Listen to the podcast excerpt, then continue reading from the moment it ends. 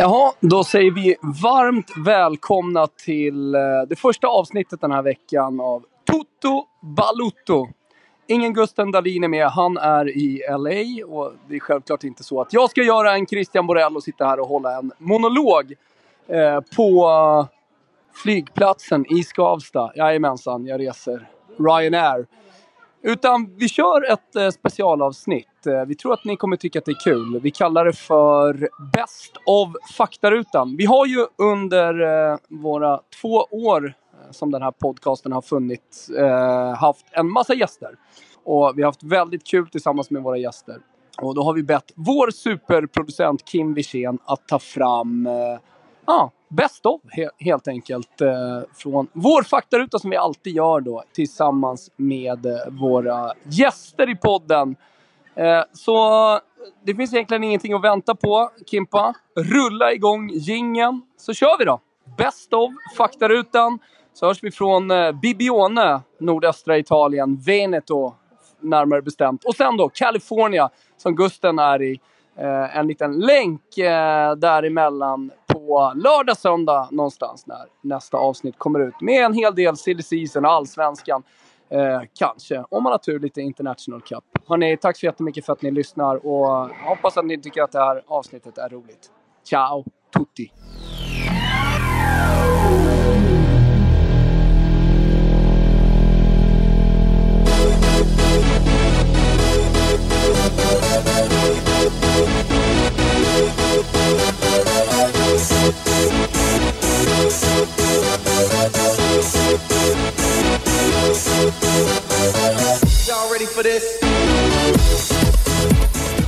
Om vi bara ska spela upp en liten, eh, jag tänker en, en improviserad teaterscen här. Thomas har spelat i Öster i eh, tre säsonger. Nu är hans eh, kontrakt på väg att gå ut.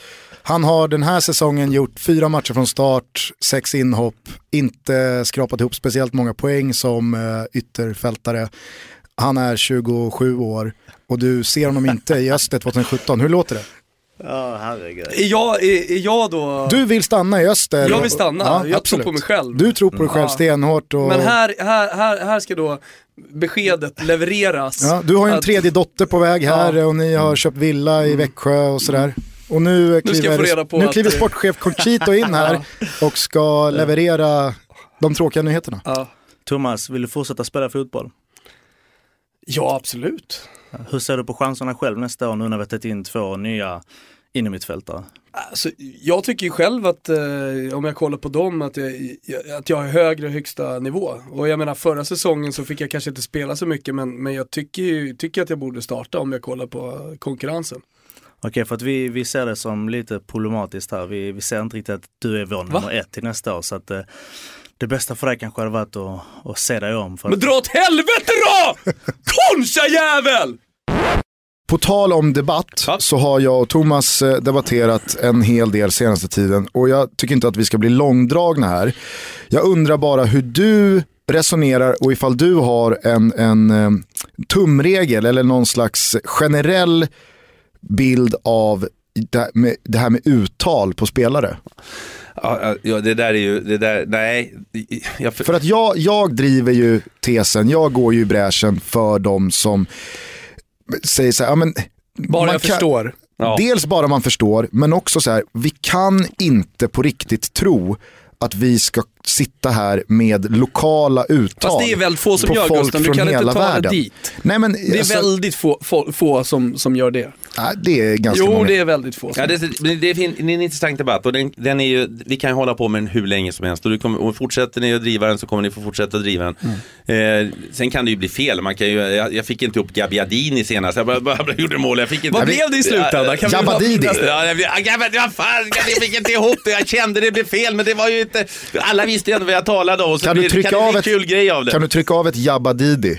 För det var det sista jag hörde. Jabadini gör mål! Jabadini! Ja men du vet, det kan, och vissa, och, ibland och vissa dagar så är det jättesvårt att få vissa namn. Jag kommer ihåg när Aspilicueta kom in. Vet du. Jag fick se, Aspilicueta, Aspilicueta, Aspilicueta, Aspilicueta. Arsenal hade ju en gammal forward som hette Aliadier. Aladier ja. Den var inte rolig heller. Nej, alltså. nej, nej, men för åter, alltså, så det kan ju bli fel ibland bara och, det kan ju, och många gånger kan ju fel bli något kul också, annars kan vi köra robotar som kört matcherna. Men, men, jag, men jag, jag håller med dig, det är viktigast att man förstår. Och, och vilka länder ska vi försöka uttala korrekt? Vi, vi, vi tycker att vi ska uttala spanska och italienska namn korrekt, det är ju de flesta överens. Men hur gör vi med holländska namn? Ja. Ja, ska ja, men jag, jag, pratade med Stefan Pettersson om det där för många år sedan, han, han som spelade i Ajax. Och eh, han var expert med mig och så sa han, lägg av med det där, så det blir bara fel om du ska hålla på och försöka uttala holländska namn. Och det kan gå tillbaks på det svenska, vi, vi brukar säga det i hockey, Rögle, Rögle, Rögle. Va, va, mm. Nej, jag, jag kom på en grej igår i bilen. Tänkte så att fan det här ska jag ta upp, det här ska jag bara säga och låta det stå oemotsagt Mm. imorgon i podden med Holmgren.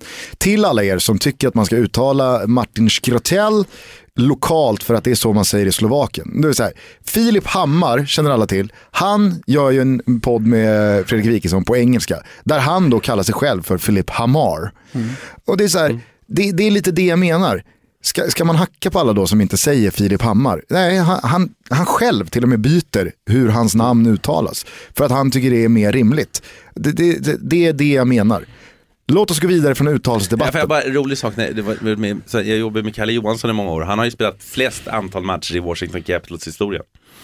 Och, och, och han, han kom, åh nu, nu spelar Capitals dåligt. alltså." Och, han, så, och det är ju ingen som kunde säga till honom det. Han har ju fan spelat över tusen matcher. Så att, och han körde på det sättet, Capitals lite. Och sen är det, hur ska du uttala, Chelsea kommer från London, ska jag säga London? Nej, New York, ja men hur ska vi, det blir, vi, det heter ju, jag vet ju vissa säger fortfarande Chicago, för att man sa det på gammelsvenska. Inte Chicago. Så Får jag bara fråga, ja. brukar Glenn vara på dig om de italienska namnen? Eh, han brukar hjälpa mig med de där italienska. Men han, han, han ska ju inte säga, han pratar ju italienska med Göteborgsbrytning. Ja, ja, jag hör ju när han snackar med den där Gazzetta dello Ja, Sport. Och vad det, Toto de Amore vet du. ja. Ja men det, det kan jag intyga. Det är ju inte bara ny president, ny tränare, ny sportchef och så vidare. Det var ju också ett nytt klubbemblem som dök upp där för några månader sedan.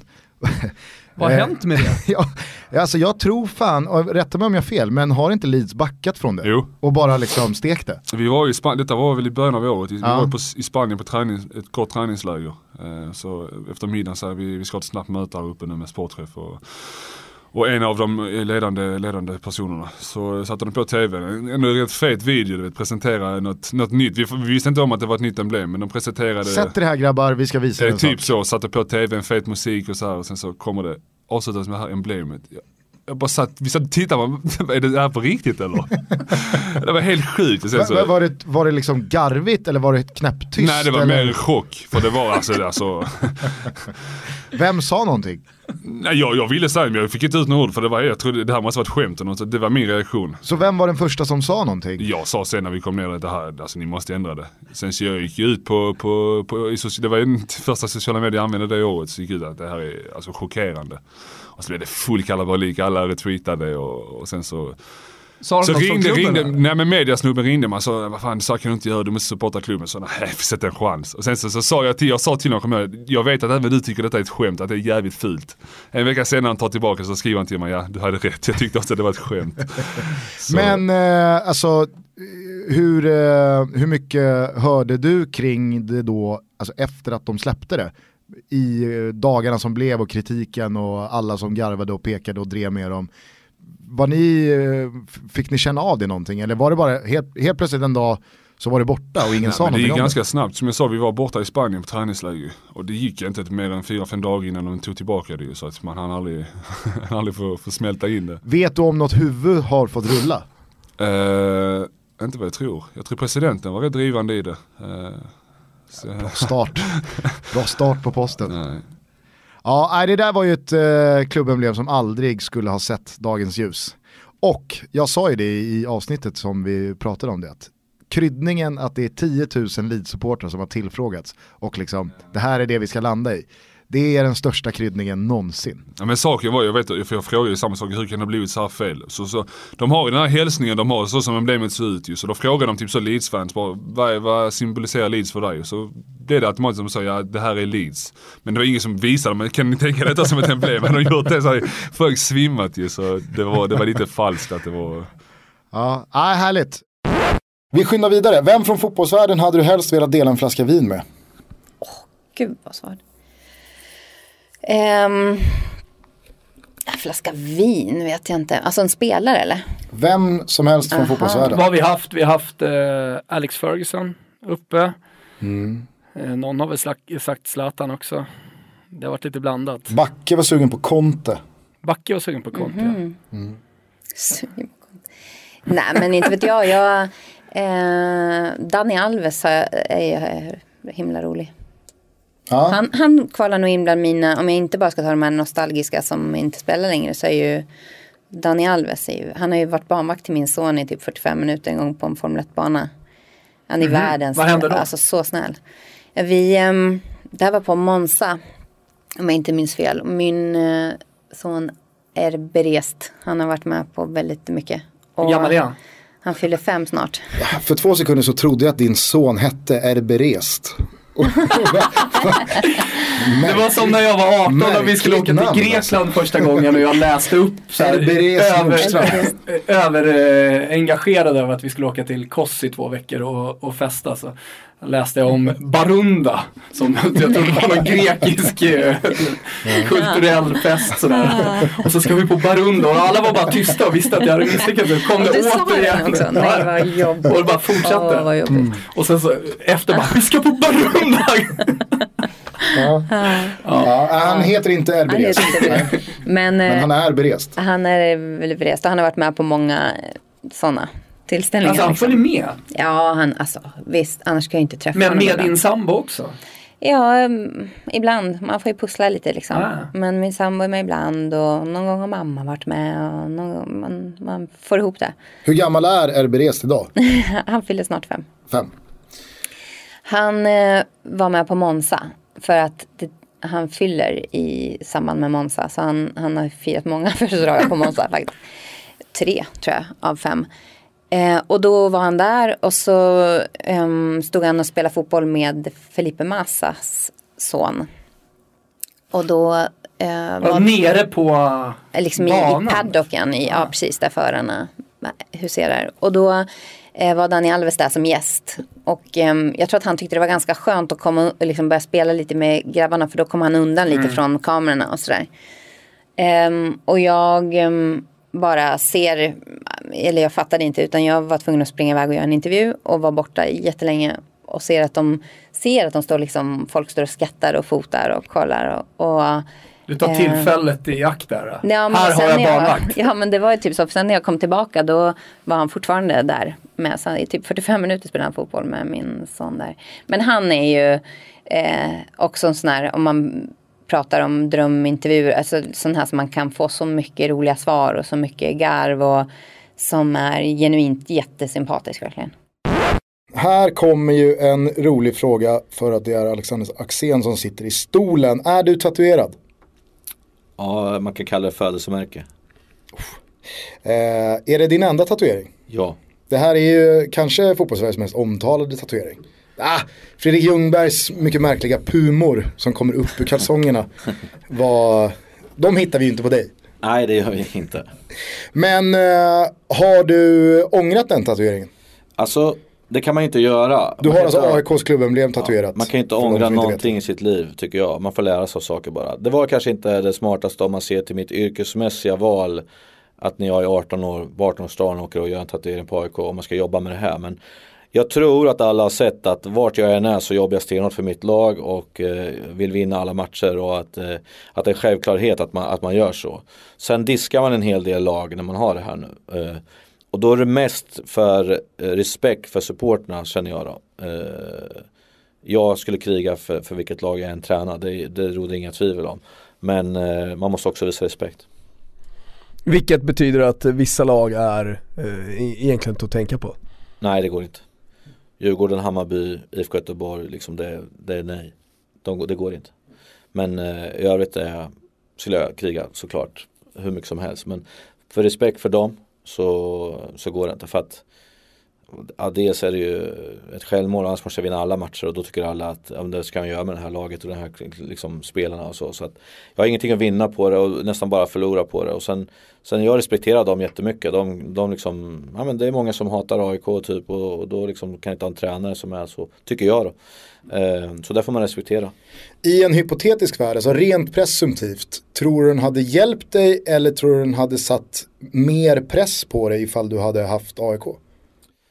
Uh, jättesvår, jättesvår uh, och jättebra fråga därför att uh, jag, jag, tror så här, det finns ju ingen tränare som inte har ett favoritlag. Tror ni det? På riktigt? Nej. Nej, Nej det tror jag inte. Alla börjar ju med någonting. Det är bara att de har varit smarta och Nej, inte säger något. Lars Lagerbäck känns helt befriad från ett favoritlag. Jag tror inte jag. Tror inte? Nej. Man, det är något gäng där. Ja. Nej. Nej, jag kan inte Jag för mitt tror- liv tänka mig att Lars Lagerbäck håller på ett lag. Jag tror GIF Sundsvall. Mäktigaste numret som du har i din telefonbok? Jag, har, jag, har, eh, jag pratade med honom för, kan det vara, tre veckor sedan. Min eh, president jag hade i eh, Kalamata, fantastisk person. Stavros Papadopoulos, han är nu 83 år. Det känns som ett vanligt namn i Grekland. Supergivet namn. Ja. Stavros Papadopoulos. Eh, han har sitt kontor i Hongkong. Han har sitt fotbollslag i Grekland. Han har sin diamantgruva i Brasilien. Han har sin fru som är peruanska boende i New York. Den här rutten gör han fortfarande som, som 83-åring. Äh, en helt fantastisk man. Det här är två, två dagar före för julafton eh, 1995. Anita och jag hade köpt en duka, en glas och porslinsbutik i Kista centrum. Och det var, eh, ja ni vet ju, julhandeln är ju 50% av årsomsättningen i detaljhandeln. Så jag står där och så får jag ett telefonsamtal av eh, en person som jag inte hade en aning om då. Hon säger att, har du lust att komma ner och träna mitt grekiska fotbollslag? Så jag sticker iväg utan att lova Anita att jag kommer inte att skriva på något kontrakt. Det finns ingen möjlighet utan jag kommer hem och är med i mellandagsrean och alltihop det där. Så jag kommer ner dit och träffar honom och då säger han till mig så här, jag frågar mig hur letar du upp det här och hur hamnade jag här? Ja, jag vill ha en, en skandinavisk ledarstil på mitt lag. Jag har höga ambitioner med det här laget. Vi ska först se till att vi är i toppen i Grekland och sen ska vi ut i Europa. Så jag kom dit sent på, på kvällen och så sa han till mig så här att eh, gå upp och lägg dig nu så syns vi klockan sex imorgon bitti. Sex imorgon bitti. På frukostbordet. Och ja, jag gick och la mig där i, på något av de där stora hotellen i, i Aten. Träffade idrottsministern, han var gift med någon svensk kvinna där. Så, så det var stor baluns där. Men jag kom i säng och så gick jag upp eh, klockan sex på morgonen och mötte honom där nere. Och, så mitt, mitt, i, mitt i kaffekoppen där så ställer han frågan så här till mig. Vill du ha jobbet? säger han. Och då kände jag så här. Nu har jag tre sekunder på mig. Jag kan inte säga att jag ska åka hem och lyssna med Anita. det finns inte än. Det finns Det, inte. det är inte... Det är ingen det- grekisk stil. Nej men exakt, det var inte det han var ute efter. Nej, Jag ska åka hem och konsultera med, med min fru. Det är såklart ett, ett, eh, det hade varit ett bra svar, men jag tror att när, i det han sökte så var det ju, han ville ha en handfast ja. Det var det han sökte. Precis. Och så tolkade jag honom. Och tänkte jag, jag får ta matchen på hemmaplan. För jag hade lovat Anita, inget, inga kontrakt utan du åk ner och kolla och kom hem. Men det jag kände precis det du säger. Så att eh, jag sa, ja, ja självklart. Så pang bom och så, så var det där klart. Och, så, och sen var jag tvungen att åka hem. Och då skulle, då skulle, det var ju ett litet uppehåll där och, i serien så att vi skulle igång sen 10-12 dagar senare bara. Så att, eh, Det här var 1996, 95 95. Ja, eh, 95, december 1995. Eh, Så att eh, det är absolut den, den person som eh, har betytt absolut mest för mig när det gäller, gäller fotbollsbiten. För jag hade, jag hade två fantastiska säsonger där nere. Och det som var och det är, det, det är därför jag har, tror jag, idag en sån skön känsla för, för, för grekerna. Att det här det var liksom en, en hundraprocentig person. Sen var jag ju på en annan resa i Grekland då i början på 2000-talet som var precis det motsatta med mycket ekonomiska problem och alltihop. Men det är en helt annan historia. Men honom har jag i min telefonbok och det är jag väldigt glad för. Eh, klev du av Kalamata själv eller eh, har Stavros en gång i tiden sparkat dig? Ja, man får nog kalla det för sparka. Stavros kom till mig och sa Bo, det, det är över. Jaha. Och, Vilken jävla, vilken jävla inledning på ett samtal. ja. Bo. Men jag ska berätta nu, för att det fanns en förklaring som inte var så lätt att stå emot. Då är det så här att den här Stavros som som sagt var flög liksom det här och, och var väldigt ofta trött när vi satt och, och åt och sånt där. Så det var, ibland var det precis att huvudet höll på att fastna i, i soppan, alltså så trött var han. Då hade jag lärt mig bara att när den där, när den där sekunden kom så började jag prata brasiliansk fotboll. Nämn Vava och Pelé och sånt där. Då, då liksom vaknade gubben till. Och så, han älskade brasiliansk fotboll. Över allt annat på jorden. Och det var ju det som var lite inspiration också, att han hade den, den fotbollen. Och då var det så att han hade lyckats, vilket jag inte visste i den sekunden när han sa att eh, Bo, nu är över. Då hade han kontrakterat Shair. Så Alltså, det fullständigt obegripliga det var då att någon vecka efter det att jag hade åkt hem, då kommer alltså Shair inflygande och blir, blir eh, tränare för, för Kalamata eh, längst ner i södra Grekland. Nu varade det inte det där speciellt många, många månader för att eh, det där var ju liksom inte hans grej att träna något fotbollslag i Grekland med allt vad det innebär utan det, det blev en, en, en kort sejour och sen, sen var det över. Men vi ringde Stavros då igen. Nej, det gjorde han inte. För jag hade tackat nej. Han, han, samtidigt som han säger så här, Bo, det är över, så sa han i nästa andetag, har du lust att fortsätta att jobba för mig?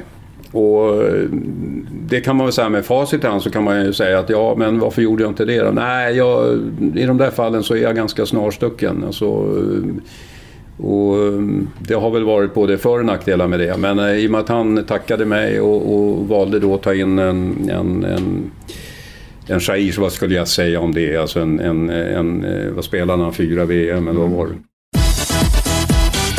Toto Balotto är sponsrade av Viaplay och det är jag väldigt glad över så här i min posttraumatiska stress efter VM. Ja, men man har ju byggt upp ett beroende av fotboll, så man behöver ju en normal dos eh, även så här under semestertider.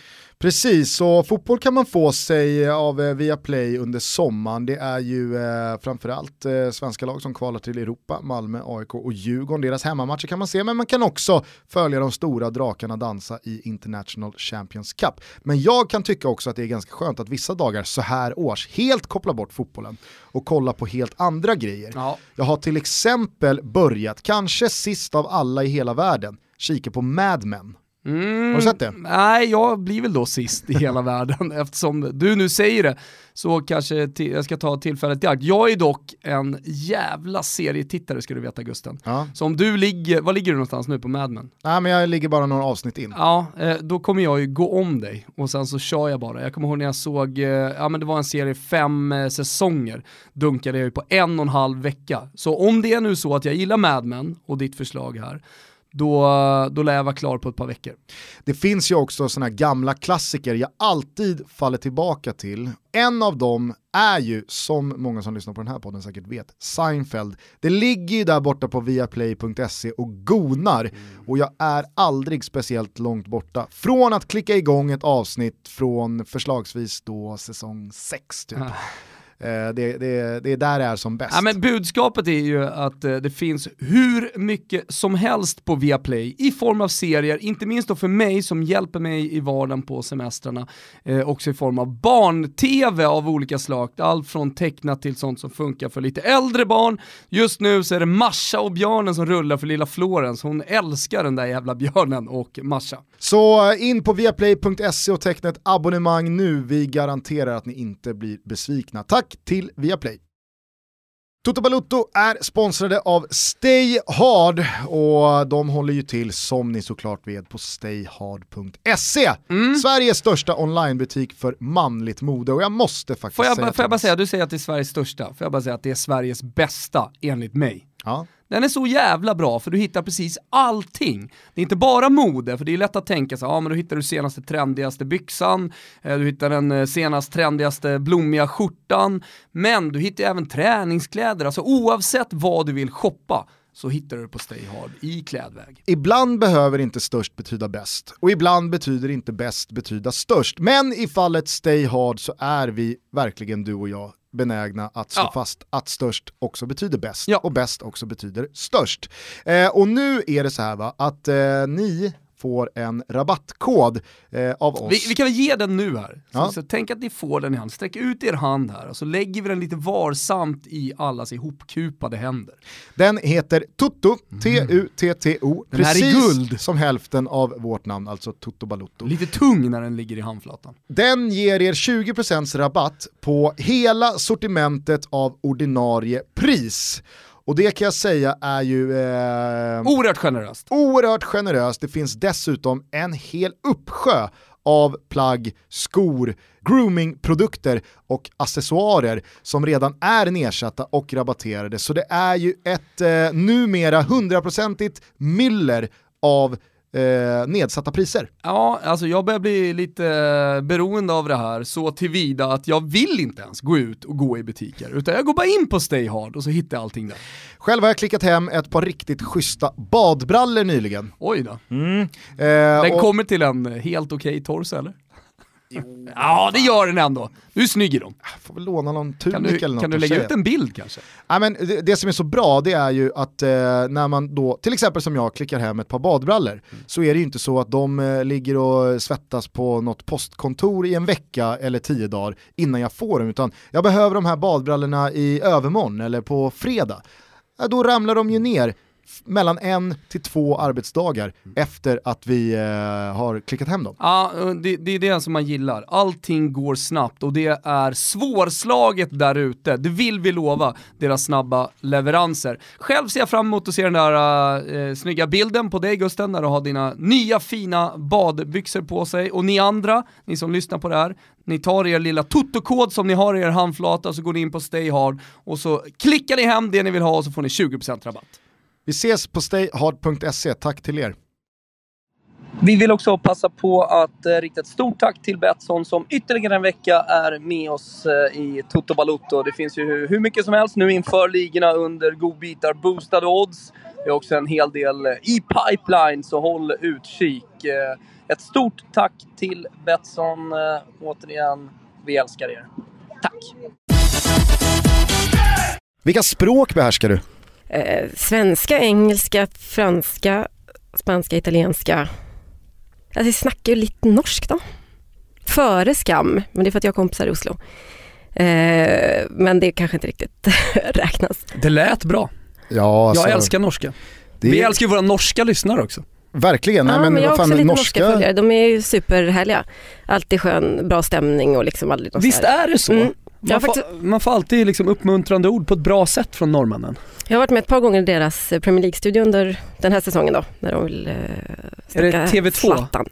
TV2 i Bergen.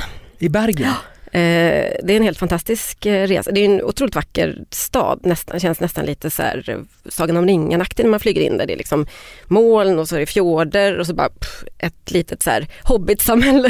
Jag har ju sagt det i, i podden här i en avsnitt att Bergen är ju min favoritstad, alla kategorier. Ja. Sen kanske det var lite skarvat då, det finns ju, där kom en bärs upp, härligt. Jajamän. Johanna är sist. eh, eh, nej men eh, jag har verkligen outat min, min Bergen-kärlek. Mm. Jag jobbade, alltså flög till, jag bodde inte men jobbade mycket i Bergen. Det är otroligt som du Jaså? säger, Mm. otroligt unik stad. Ja, och det känns som den liksom är helt isolerad och sen så kan man nästan bara flyga därifrån. Eh, ska man typ ta tåg till Oslo tar det sig evigheter. Så att, eh, ja, en super... Sen gillar man ju också att. Bergenfolket har ju någon slags storhetsvansinne och ser sig själv som störst, bäst och vackrast också. Att det någonstans också är, alltså Bergen är eh, Norges egentliga huvudstad. Mm. För allting började där. Ja, är det så? Ja, du vet kanske mer Har jag hört i alla fall. Sen, det fanns ju en rörelse i Italien till och med mot, eller från fotbollen delvis till, till rugbyn va? Mhm. Som började dra en massa folk. De som har ganska stort rugbyintresse liksom. Det här rugbyintresset är, är otroligt alltså. Jag tycker att det, det skrivs mer och mer om rugby i italienska tidningar Ja. de senaste åren. Det ökar för varje dag som går. Men du är inne på allsvenskan där och så lät det neggig som vanligt. Ah, men trist, jag följer inte. Och det, det missar jag ju för de gånger jag kollar när det är Stockholmsderby. Alltså, jag tycker ju om den där svenska självbilden att ah, det är inte så jävla bra men det är kul ändå. Fan hade det inte varit jävla trevligt att gå på, en, eh, på ett Stockholmsderby med Marcus och så inleda med en V12? Vad är det, våröl och 12 starkbär? Exakt. Det är du som har Det- myntat ja, det är jag uttrycket. så, ja, jag trodde någon annan också hade den. Nej, nej. Ah shit alltså, jag har inte kommit ihåg någonting av den här matchen. Ser, ser du Pippo eh, komma tillbaks till den största scenen som tränare? Bra fråga. Ja, det är definitivt det han vill. Det, det är det allting handlar om och så. Ja, jag tror inte det är alltid för man ska aldrig räkna bort Pippo Inzaghi. Jag var ju på den matchen eh, Real Mad- Milan-Real Madrid. Eh, då när Zlatan var där också, då kommer jag ihåg att Mourinho sa innan att det är inte Zlatan jag fruktar, det är Pippo Inzaghi för när han är med livsfarligt och så kommer han in där om ni kommer ihåg 2-0 till Real. 2-1, 2-2, det var helt galet, det är de bästa matcher jag upplevt på San Siro. Och han pussar Zlatan på munnen och sen dagen efter detta måste jag berätta, detta är jätteroligt för då var det så här nämligen att eh, då låg eh, Milan i pressbojkott av Gazzetta dello Sport. Därför att de var skitarga för att eh, någon vecka innan så hade Milan fått stryk av Juve med 2-0.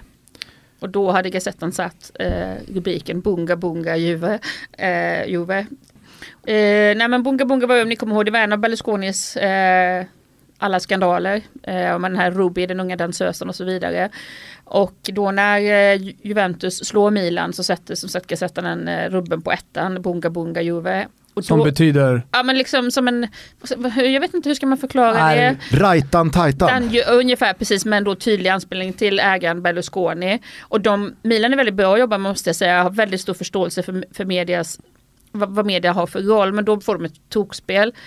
Eh, och Galliani ringt upp, ringer upp då till Gazettan bland annat. Och då, då försvarar de sig säga men Totosport och Corriere dello Sport skriver en massa också. Har han sagt jag skiter i, jag kan inte säga exakt vad Galliani sa för det var så snuskigt. Jag får men han säger för jag skiter i om ni skriver att jag är, eh, om, om Corriere dello Sport och Totosport skriver att jag är en ful sak så spelar det ingen roll. Men eh, när Gazettan skriver det, då har det betydelse. Eh, så nu är det pressbojkott här ett tag. Fan vad silencio stampa ligger bättre i munnen än pressbojkott. Ja, exakt, Silencio Stampa. Och då står de även att det skulle även drabba mig då som frilans och jag var ju liksom utsänd dit av Sportbladet och då Alessandra Bocci som bevakade Milan som riktig drottning på Gazettan hon blev helt galen, italiensk så skön, hon bara ringer upp och börjar bråka med Milans presschef Giuseppe Sapienza och bara skriker så här lite italienskt i luren, hur kan detta drabba Jennifer och bara försvara mig. Men i alla fall, vad jag vill komma fram till när det gäller Pippo Inzaghi är då att dagen efter när han har gjort de här målen då har han slagit något europeiskt målrekord. Då vill Gazettan att han ska komma upp på redaktionen och fira med lite tårta och dricka, jag är också inbjuden och vi ska skriva om det här. Men Milan har Silencio Stampa, vad gör Pippo Inzaghi? Det skiter han i.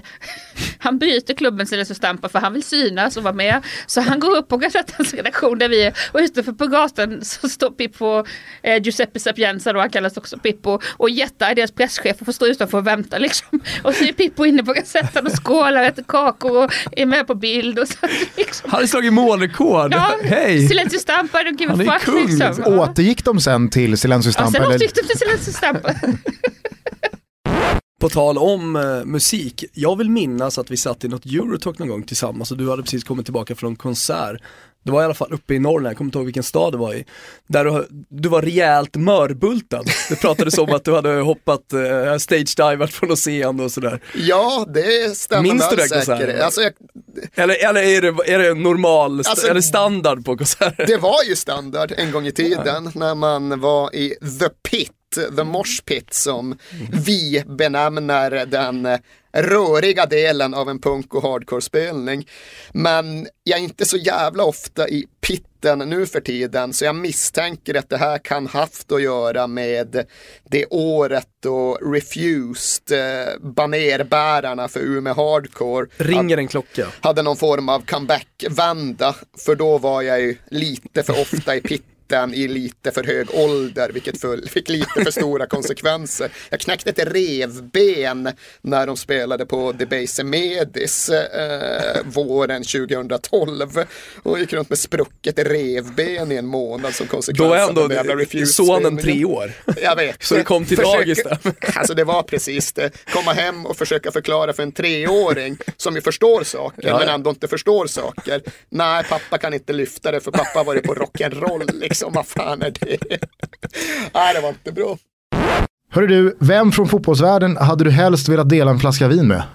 Har du sprungit in i någon så här superkaraktär där ute? Ja, jag, hade ju en, jag har ju haft en sån härlig vinstund med eh, Arsène Wenger. Mhm. Eh, det var väldigt speciellt. Jag, det var när jag tog Fabianski, polacken, till Arsenal. Och eh, då är man ju van när, när man har de här, eh, man, man träffas och förhandlar kontrakt så sitter man i regel på någon flygplats eller något klubbkontor. Men när jag kom till London då, då sa de att äh, Arsén vill träffa dig eller Mr Wenger vill träffa dig eh, på någon, något slott. Så jag åker ut till något slott ute på landsbygden. Och så blir jag införd i ett litet rum, rum där det är nersläckt, tända ljus. Det var som en dejt. Eh, och där sitter Arsen och ett glas... eh, Naken. nej, nej det var han inte. Men ett glas eh, rött vin. Frågade vill du ha? Jag tar ett rött också. Så det var aj, extremt trevligt och det var liksom stil. Så det var, det var förbaskat trevligt. Var det Eh, Shiraz från norra Råndalen?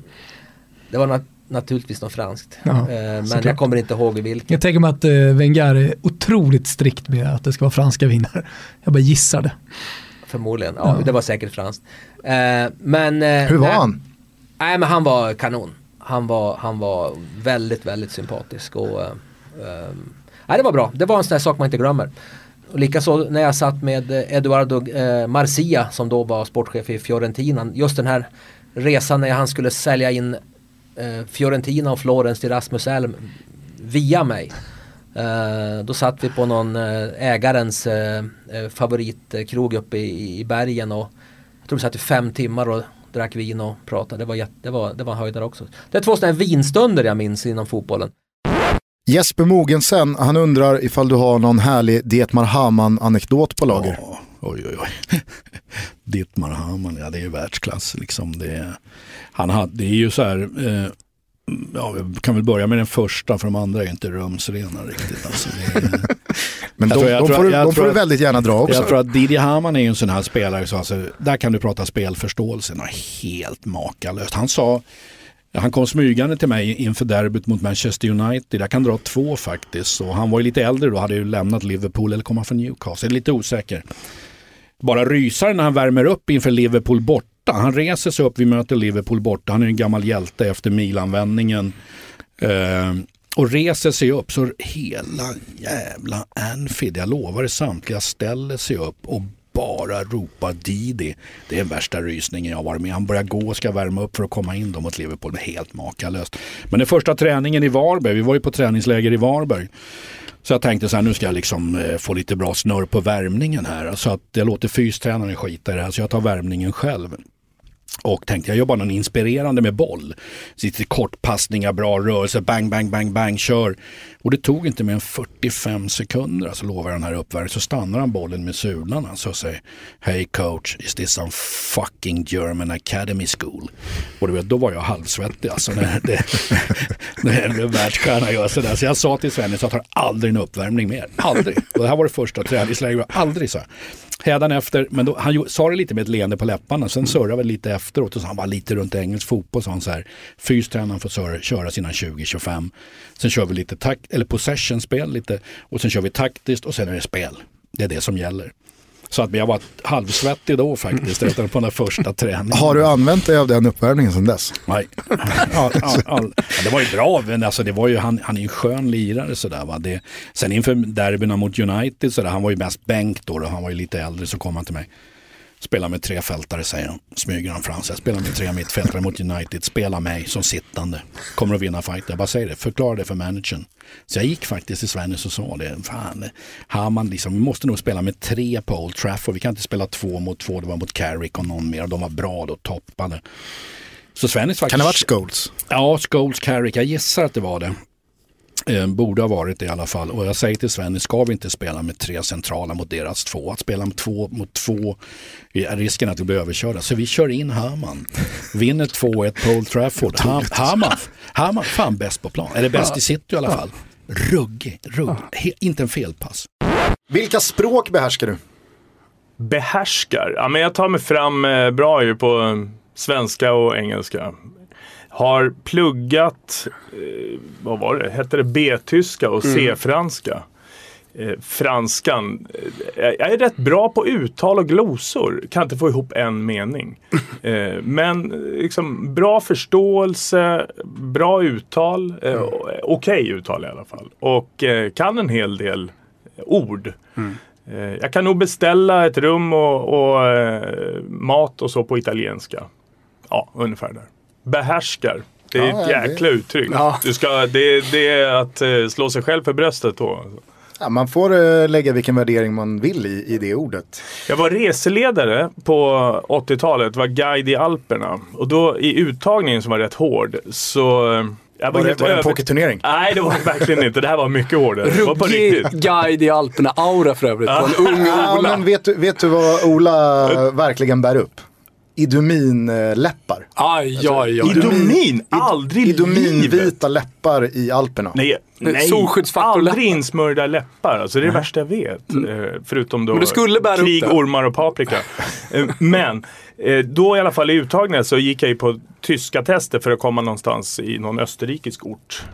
Och jag chokade fullständigt på tyska. Alltså jag fick inte fram en mening nästan. Jag tänkte, "Nej, vad, ska jag göra? Jag torskar, jag åker nu. Det var ju nästan sista testet. Så då lommade jag in i franska båset där också. Det var ju betydligt färre eh, i det gänget. Och det räckte ju med att kunna säga La neige est blanc, La soleil est bon eller någonting sånt. Att solen är vit och snön är fi- eh, solen är fin liksom. Och ja, honom ska vi ha. Bra uttal kom, tog det dit. Då. Snyggt. Ja, jag vet inte, jag, jag ser någon sån här Fake nalle, it till you make it eller vad är det? nalle i snowroller. Den estetiken. Nej, nej. Kom igen nu Gustav. Nej, jag, jag, någonting. Jag, jag tror att det finns bildbevis på Ola Får jobba länge på den.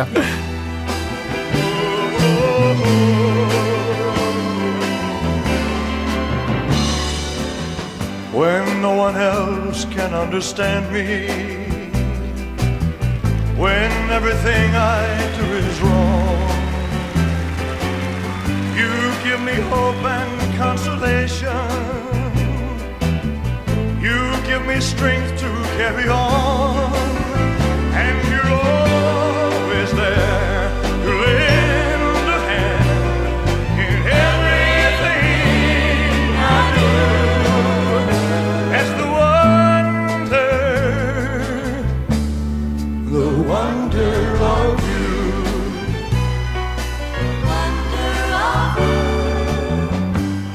when you smile, the world is brighter. You touch my hand, and I'm a king. Your kiss to me is worth a fortune.